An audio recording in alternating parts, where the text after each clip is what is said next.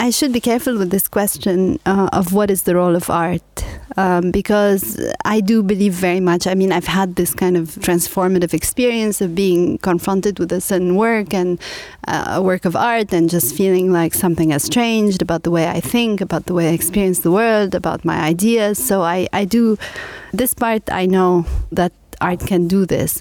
But I think this question of how does one, as an artist, think of the role has become a very interesting question for me. And it's something that I'm really thinking about a lot recently in terms of the works. And actually, the projects I'm working on now are really trying to deal with this question, but also partly because of the work I'd done on monuments because with this work one thing which became very interesting is the difference for example because with monuments you're really dealing with aesthetic forms but the question of uh, how is the monument, is the person who conceives a monument different uh, from me as a contemporary artist working today became kind of an interesting question, especially because of, of a feeling I have, which is this need to kind of phrase everything subjectively in subjective terms, to speak about things, for example, in terms of my own memory and my own experience. Uh, when you work on a monument, you actually do the opposite because what you do is you take it upon yourself to,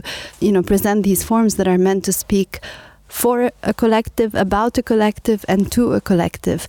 And this is something which I feel I'm not able to do, and I'm really, really interested in why. Uh, and so, in many ways, the, the work on monuments has has been a way for me to think about this problem, and it has really made me also think differently about some of the artworks that I'm faced with because I'm looking a lot now at artworks, and it's clear that some artists do have this ability to speak about a collective and for a collective, and do not need to uh, phrase things um, in these, you know, super subjective terms.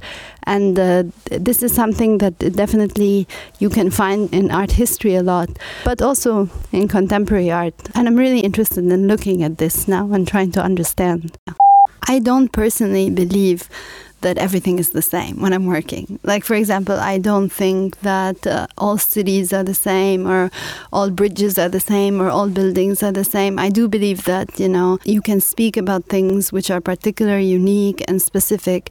Uh, however, the question becomes how do you do that? How do you do that in a way which is able to actually convey what you mean? Because, for example, let's say I would like to, you know, speak about um, my own experience of a street market. So I set up my camera, I take an image a straight on of the street market, and I put that image and I look at it and and it doesn't speak of a street market for me.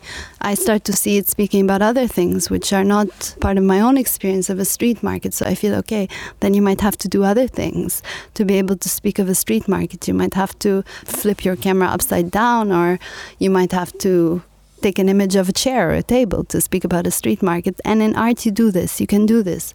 I want to speak about a table, but I show you a picture of a chair. So that's why I'm kind of interested in art as perhaps a means to deal with these questions.